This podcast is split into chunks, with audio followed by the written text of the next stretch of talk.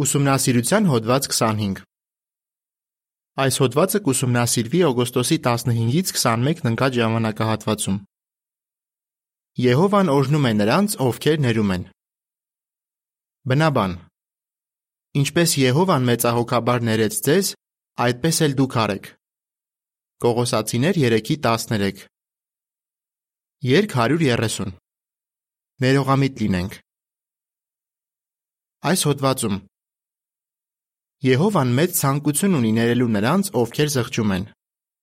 Լինելով քրիստոնյաներ, մենք ցանկանում ենք հետևել նրա օրինակին։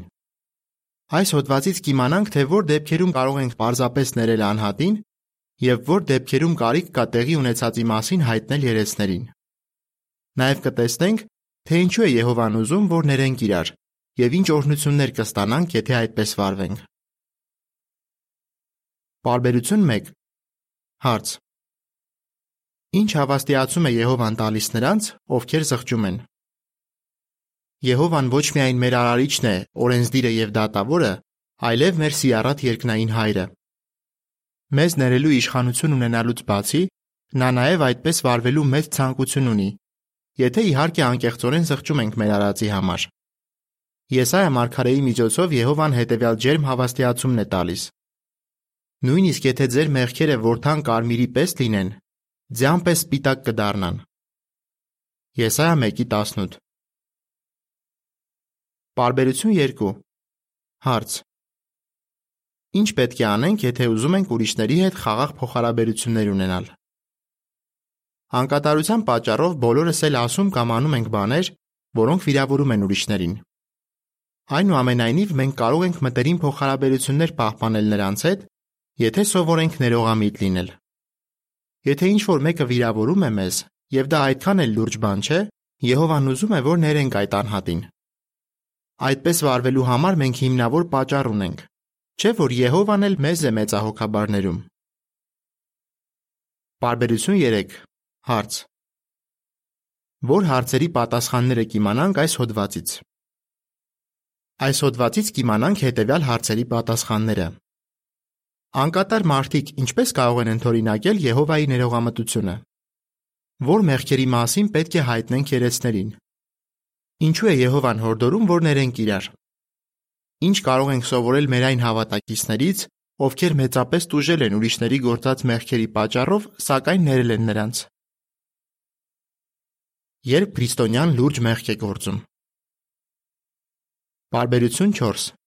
Հարց Ա Ինչ պետք է անի քրիստոնյան, եթե լուրջ մեղք է գործել։ Հարց Բ. Որն է երեցների դերը, երբ նրանք հանդիպում են մեղք գործած անհատի հետ։ Երբ ինչ-որ մեկը լուրջ մեղք է գործում, մենք պետք է այդ մասին տեղեկացնենք երեցներին։ Նմանատիպ մեղքեր նշված են առաջին Կորինթացիներ 6-ի 9 եւ 10 համարներում։ Լուրջ մեղք գործելով անհատը կոպտորեն ոտնահարում է Աստծո օրենքները։ Եթե քրիստոնյան այդպիսի մեղք է գործում, Նա պետք է աղոթքով ներում խնդրի Եհովա Աստծուց եւ խոսի ժողովի երեսների հետ։ Իսկ ո՞րն է երեսների դերը։ Ինչպես գիտենք, միմիայն Եհովան իշխանություն ունի ամբողջությամբ ներելու մեր մեղքերը, եւ նա դա անում է կիրառելով փրկագինը։ Սակայն Եհովան երեսներին է հանձնարարել Աստվածաշնչի հիման վրա որոշելու, արդյոք մեղք գործած անհատը կարող է մնալ ժողովում, թե ոչ։ Դա անելու կերպերից մեկը հետևյալ հարցերը քննելն է. Անհատը գիտակցաբար է մեղք գործել։ Արդյոք նա խորոք է ծրագրել այդպես վարվել։ Երկար ժամանակ է գախնաբար մեղք գործել։ Իսկ որ ամենակարևորն է, արդյոք երևում է, որ նա անկեղծորեն զղջում է։ Նշաններ կան, որ Եհովան ներել է նրան։ Բարբերություն 5 Հարց. Երեսների կատարած աշխատանքը ինչ օգուտներ է բերում։ Երբ երեսները հանդիպում են մեղ գործած անհատի հետ, Նրանց նպատակն է կայացնել այն նույն որոշումը, որն արդեն կայացվել է երկնքում։ Ինչ օգուտներ է այս կարգը բերում ժողովին։ Դրա շնորհիվ չզղջացող մեղավորները, ովքեր հնարավոր է վնաս հասցնեն Եհովայի թանկագին գառներին, հեռացվում են ժողովից։ Դա գուցե նաև նպաստի այն բանին, որ անհատը զղջա իր գործած մեղքի համար եւ ներում ստանա Եհովայից։ Երեսները աղոթում են զղջացողի համար եւ խնդրում Եհովային, որ օգնի նրան հոգևորապես ապաքինվել։ Բարբերություն 6 Հարց. Ընկերակցությունից զրկված անհատը կարող է ներում ստանալ։ Բացատրիր։ Ենթադրենք երեցների հետ հանդիպման ժամանակ անհատը չի զղջում։ Այդ դեպքում նա զրկվում է ընկերակցությունից։ Եթե նա խախտել է տվյալ երկրի օրենքը, ապա երեցները չեն փորձի պաշտպանել նրան հետևանքներից։ Եհովան թույլ է տալիս, որ իշխանությունները դատեն եւ պատժեն ցանկացած անհատի, ով ոտնահարում է սահմանված օրենքները, անկախ նրանից նա զղջում է իր արարքի համար թե ոչ։ Ինչ խոսք, եթե մեղք գործած անհատը հետագայում սթափվի, անկեղծորեն զղջա եւ դարձի գա, Եհովան մեծահոգաբար կների նրան։ Եվ դա անգամ այն դեպքում, եթե նա շատ լուրջ մեղք է գործել։ Բարբերություն 7 Հարց. Ինչ է նշանակում ներել նրան, ով մեղք է գործել մեր դեմ։ Որքան լավ է, որ մենք չենք որոշում, մեղք գործած անհատը արժանի է Եհովայի ներողամտությանը, թե ոչ։ Բայց կա մի բան, ինչը մենք ենք որոշում։ Ո՞րն է դա։ Երբեմն լինում է այնպես, որ ինչ-որ մեկը մեր դեմ մեղք է գործում, նույնիսկ լուրջ մեղք, բայց հետո զղջում է իր արածի համար եւ ներողություն խնդրում։ Սակայն լինում է նաև այնպես, որ անհատը ներողություն չի խնդրում, Նույնիսկ այդ դեպքում մենք կարող ենք որոշել ներել նրան, այսինքն վճռենք այլևս վրդովմունքի եւ զայրույթի զգացում չտածել նրա հանդեպ։ Իրականում այդպես վարվելը կարող է ժամանակ եւ ջանքեր պահանջել, հատկապես եթե վիրավորանքը խորն է։ Դիտարանի 1994 թվականի սեպտեմբերի 15-ի համարում ասվում է. Մեղք գործած անհատին ներել չի նշանակում մատների արանքով նայել նրա արարքին, Քրիստոնյայի պարագայում ներել նշանակում է գործը հանձնել Եհովային։ Նա տիեզերքի ամենաարդար դատավորն է եւ արդարադատություն կգործադրի ճիշտ ժամանակին։ Իսկ ինչու է Եհովան հորդորում, որ ներենք իրար եւ արդարադատությունը հանձնենք իրեն, նրան, ով իրավասու է այն հաստատելու։ Ինչու է Եհովան հորդորում մեզ ներել։ Բարբերություն 8 Հարց. Ինչու ենք ասում, որ ներելով արտահայտում ենք մեր երախտագիտությունը Եհովայի դրսևորած ողորմածության հանդեպ։ Երբ ներում ենք, ցույց ենք տալիս մեր երախտագիտությունը։ Հիսուսն իր առակներից մեկում Եհովային համեմատեց մի թագավորի հետ, որը չեղյալ համարեց իր ծառաներից մեկի պարտքը, քանի որ վերջինս չէր կարողանում վճարել այն։ Սակայն այդ ծառան, ում պարտքը ներվել էր, ողորմածաբար չվարվեց իր ծառայակցի հետ, ով անհամեմատ ավելի քիչ գումարեր պարտք։ Ինչ էր Հիսուսն ուզում սովորեցնել այս առակով։ Եթե իսկապես գնահատում ենք Եհովայի ողորմածությունը, որ նա դրսևորում է մեր հանդեպ, մենք էլ մեր հերթին կմղվենք ներելու ուրիշներին։ Տարիներ առաջ դրա վերաբերյալ դիտարանում հետևյալ միտքներ նշվում. Քանի անգամ էլ որ ներենք մարդկանց, միևնույն է, Եհովան Քրիստոսի զոհի հիման վրա ավելի հաճախ է ներողամտություն եւ ողորմածություն դրսևորում մեր հանդեպ։ Բարբերություն 9 Հարց. Ում հանդեպ է Եհովան ողորմած։ Մատթեոս 6:14 եւ 15 Եթե ներենք ուրիշներին, Եհովան էլ մեզ կների։ Եհովան ողորմածություն է դրսևորում նրանց հանդեպ, ովքեր ողորմած են։ Հիսուսն ընդգծեց այս միտքը, երբ սովորեցնում էր իր աշակերտներին աղոթել։ Կարդանք Մատթեոս 6:14-ը եւ 15-ը։ Եթե դուք ներեք մարդկանց իրենց հանցանքները, ձեր երկնային հայրն էլ ձեզ կների Բայց եթե չներեք մարդկանց իրենց հանցանքները, ձեր հայրն էլ ձեր հանցանքները չի ների։ Նմանատիպ միտք արտահայտեց նաև Եհովան, երբ խոսում էր իր ծառա Հոբի հետ։ Այդ հավատարիմ մարդը խորապես վիրավորվել էր Եղիփազի, Բաղդադի եւ Սոֆարի կծու ակնարկներից։ Սակայն Եհովան նրան ասաց, որ աղոթի նրանց համար։ Միայն այն բանից հետո, երբ Հոբը ողորմածություն դրսևորեց եւ աղոթեց իրեն վիրավորողների համար, Եհովան առատապես օրհնեց նրան։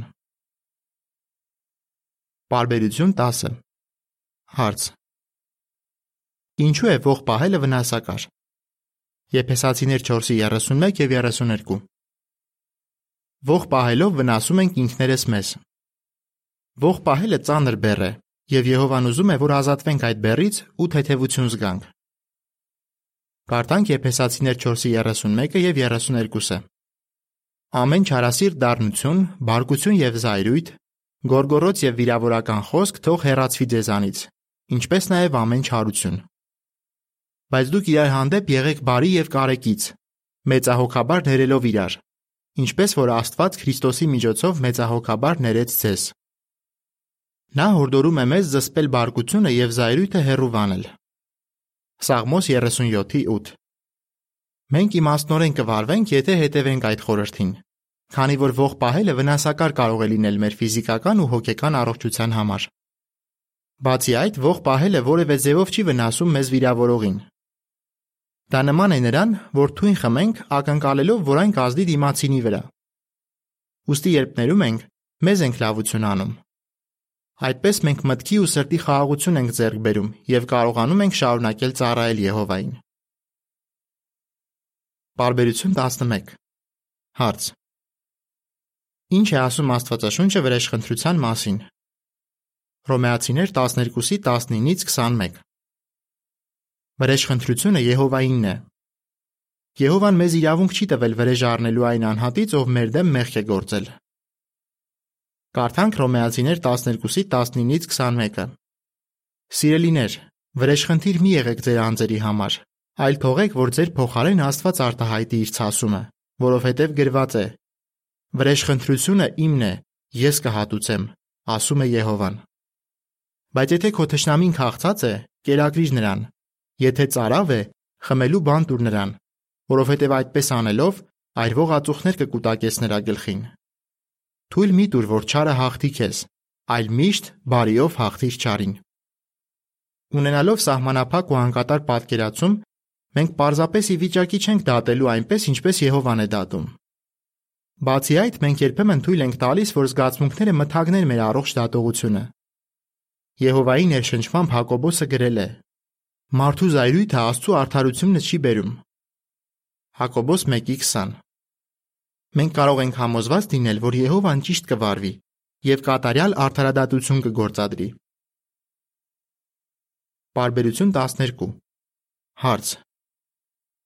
Ինչպես կարող ենք ցույց տալ, որ վստահում ենք Եհովայի արդարադատությանը։ Ներելով ցույց ենք տալիս, որ վստահում ենք Եհովայի արդարադատությանը։ Երբ ամեն ինչ Եհովայի ձեռքն ենք հանձնում, ցույց ենք տալիս մեր վստահությունը այն բանի հանդեպ, որ նա կվերացնի մեղքի պատճառած վնասները։ Աստծո խոստացած նոր աշխարհում այն դառը հիշողությունները, որ մեզ ցավ են պատճառում, չեն հիշվի եւ ոչ էլ սրտում կմնան։ Եսայա 65:17 Իսկ հնարավոր է մեր սրտից հանել վրթովմունքի եւ դառնության զգացումը, եթե վիրավորանքը խորն է։ Այո, հնարավոր է։ Տեսնենք, թե ինչպես է դա ոմանց հաջողվել։ Նկար։ Բարբերություն 12։ Նկարի մակագրություն։ Նախքին բաները չեն հիշվի։ Եսայա 65:17։ Ձերբազատվիր բարկության եւ դառնության զգացումից։ Ամեն ինչ հանձնիր Եհովայի ձեռքը։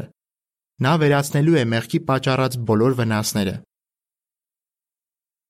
Ներողամիտ լինելու օգուտները։ Պարբերություն 13-ից 14 Հարց.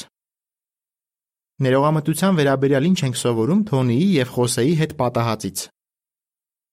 Մեր հավատակիցներից շատերը ներողամտություն են դրսևորել անգամ այն ժամանակ, երբ ուրիշների արարքների պատճառով լուրջ վնասներ են կրել։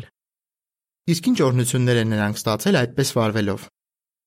Նախքան ճշմարտությունն իմանալը, Թոնին, ով ապրում է Ֆիլիպիններում, ողջեց, որ իր ավակ եղբայրներից մեկին սպանել է Խոսե անունով մի մարդ։ Այդ ժամանակ Թոնին շատ ագրեսիվ անձնավորություն էր եւ ցանկանում էր վրեժ լուծել։ Սակայն Խոսեն ձերբակալվեց եւ ազատազրկվեց իր հանցանքի համար։ Ավելի ուշ, երբ նա ազատ արձակվեց բանտից, Թոնին երդվեց, որ կգտնի նրան ու կսպանի։ Դրա համար նա մի ատրճանակ գնեց։ Բայց այդ ընթացքում Թոնին սկսեց Եհովայի վկաների օգնությամբ Աստվածաշունչ ուսումնասիրել։ Նա ասում է. Աստվածաշունչ ուսումնասիրելով հասկացա, որ պետք է փոփոխություններ անեմ իմ կյանքում իսկ դա նշանակում էր, որ այլևս չպետք է ող պահեի։ Հետագայում Թոնին մկրտվեց եւ որոշ ժամանակ անց երեց նշանակվեց։ Պատկերացրու նրա զարմանքը, երբ իմացավ, որ Խոսեն նույնպես Եհովայի վկա է դարձել։ Երբ նրանք հանդիպեցին, ջերմ գրկախառնվեցին, եւ Թոնին Խոսեին ասաց, որ ներել է նրան։ Թոնին ասում է, որ անհնար է բարերով նկարագրել այն մեծ ուրախությունը, որ նա զգաց ներելով Խոսեին։ Անկասկած Եհովան օրհնել է Թոնիին նրան ներելու պատրաստակամության համար։ Պարբերություն 15-ից 16 Հարց. Ներողամտության վերաբերյալ ինչ է սովորում Պիտերի եւ Սյուի հետ պատահածից։ 1985 թվականին մի մարդ թագավորության սրահներից մեկում ռումբ էր տեղադրել։ Երբ ժողովի հանդիպման ժամանակ այն պայթեց, այնտեղ էին նաև Պիտերն ու Սյուն։ Սյուն շատ լուրջ վնասվածքներ ստացավ, ինչի արդյունքում վնասվեցին նրա տեսողությունն ու լսողությունը։ Նա նաև կորցրեց հոտառությունը։ Նրանք հաճախ էին մտածում, թե որքան դաժան պետք է մարդ լինի, որ նման բան անի։ Տարիներ անց հանցագործը հայտնաբերվեց եւ դատապարտվեց ցմահ հազատազրկման։ Երբ Պիտերին եւ Սյուին հարցրին, թե արդյոք ներել են այդ մարդուն, նրանք պատասխանեցին. Եհովան մեզ սովորեցնում է, որ ող պահելով եւ շարունակ մեր ցավի մասին մտածելով, վնասում ենք մեր ֆիզիկական, զգացական եւ հոգեկան առողջությունը։ Ոստի հենց սկզբից խնդրեցինք նրան, որ օգնի մեզ ձերբազատվենք բարկության ու դառնության զգացումից եւ շարունակենք ապրել մեր կյանքով։ Արդյոք Պիտերի եւ Սյուի համար հեշտ էր ներել այդ մարդուն։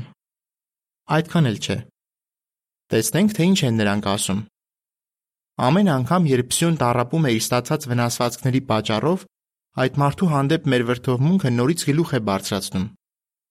Բայց քանի որ անդադար չենք մտածում տեղի ունեցածի մասին, այդ զգացմունքները արագորեն անհետանում են։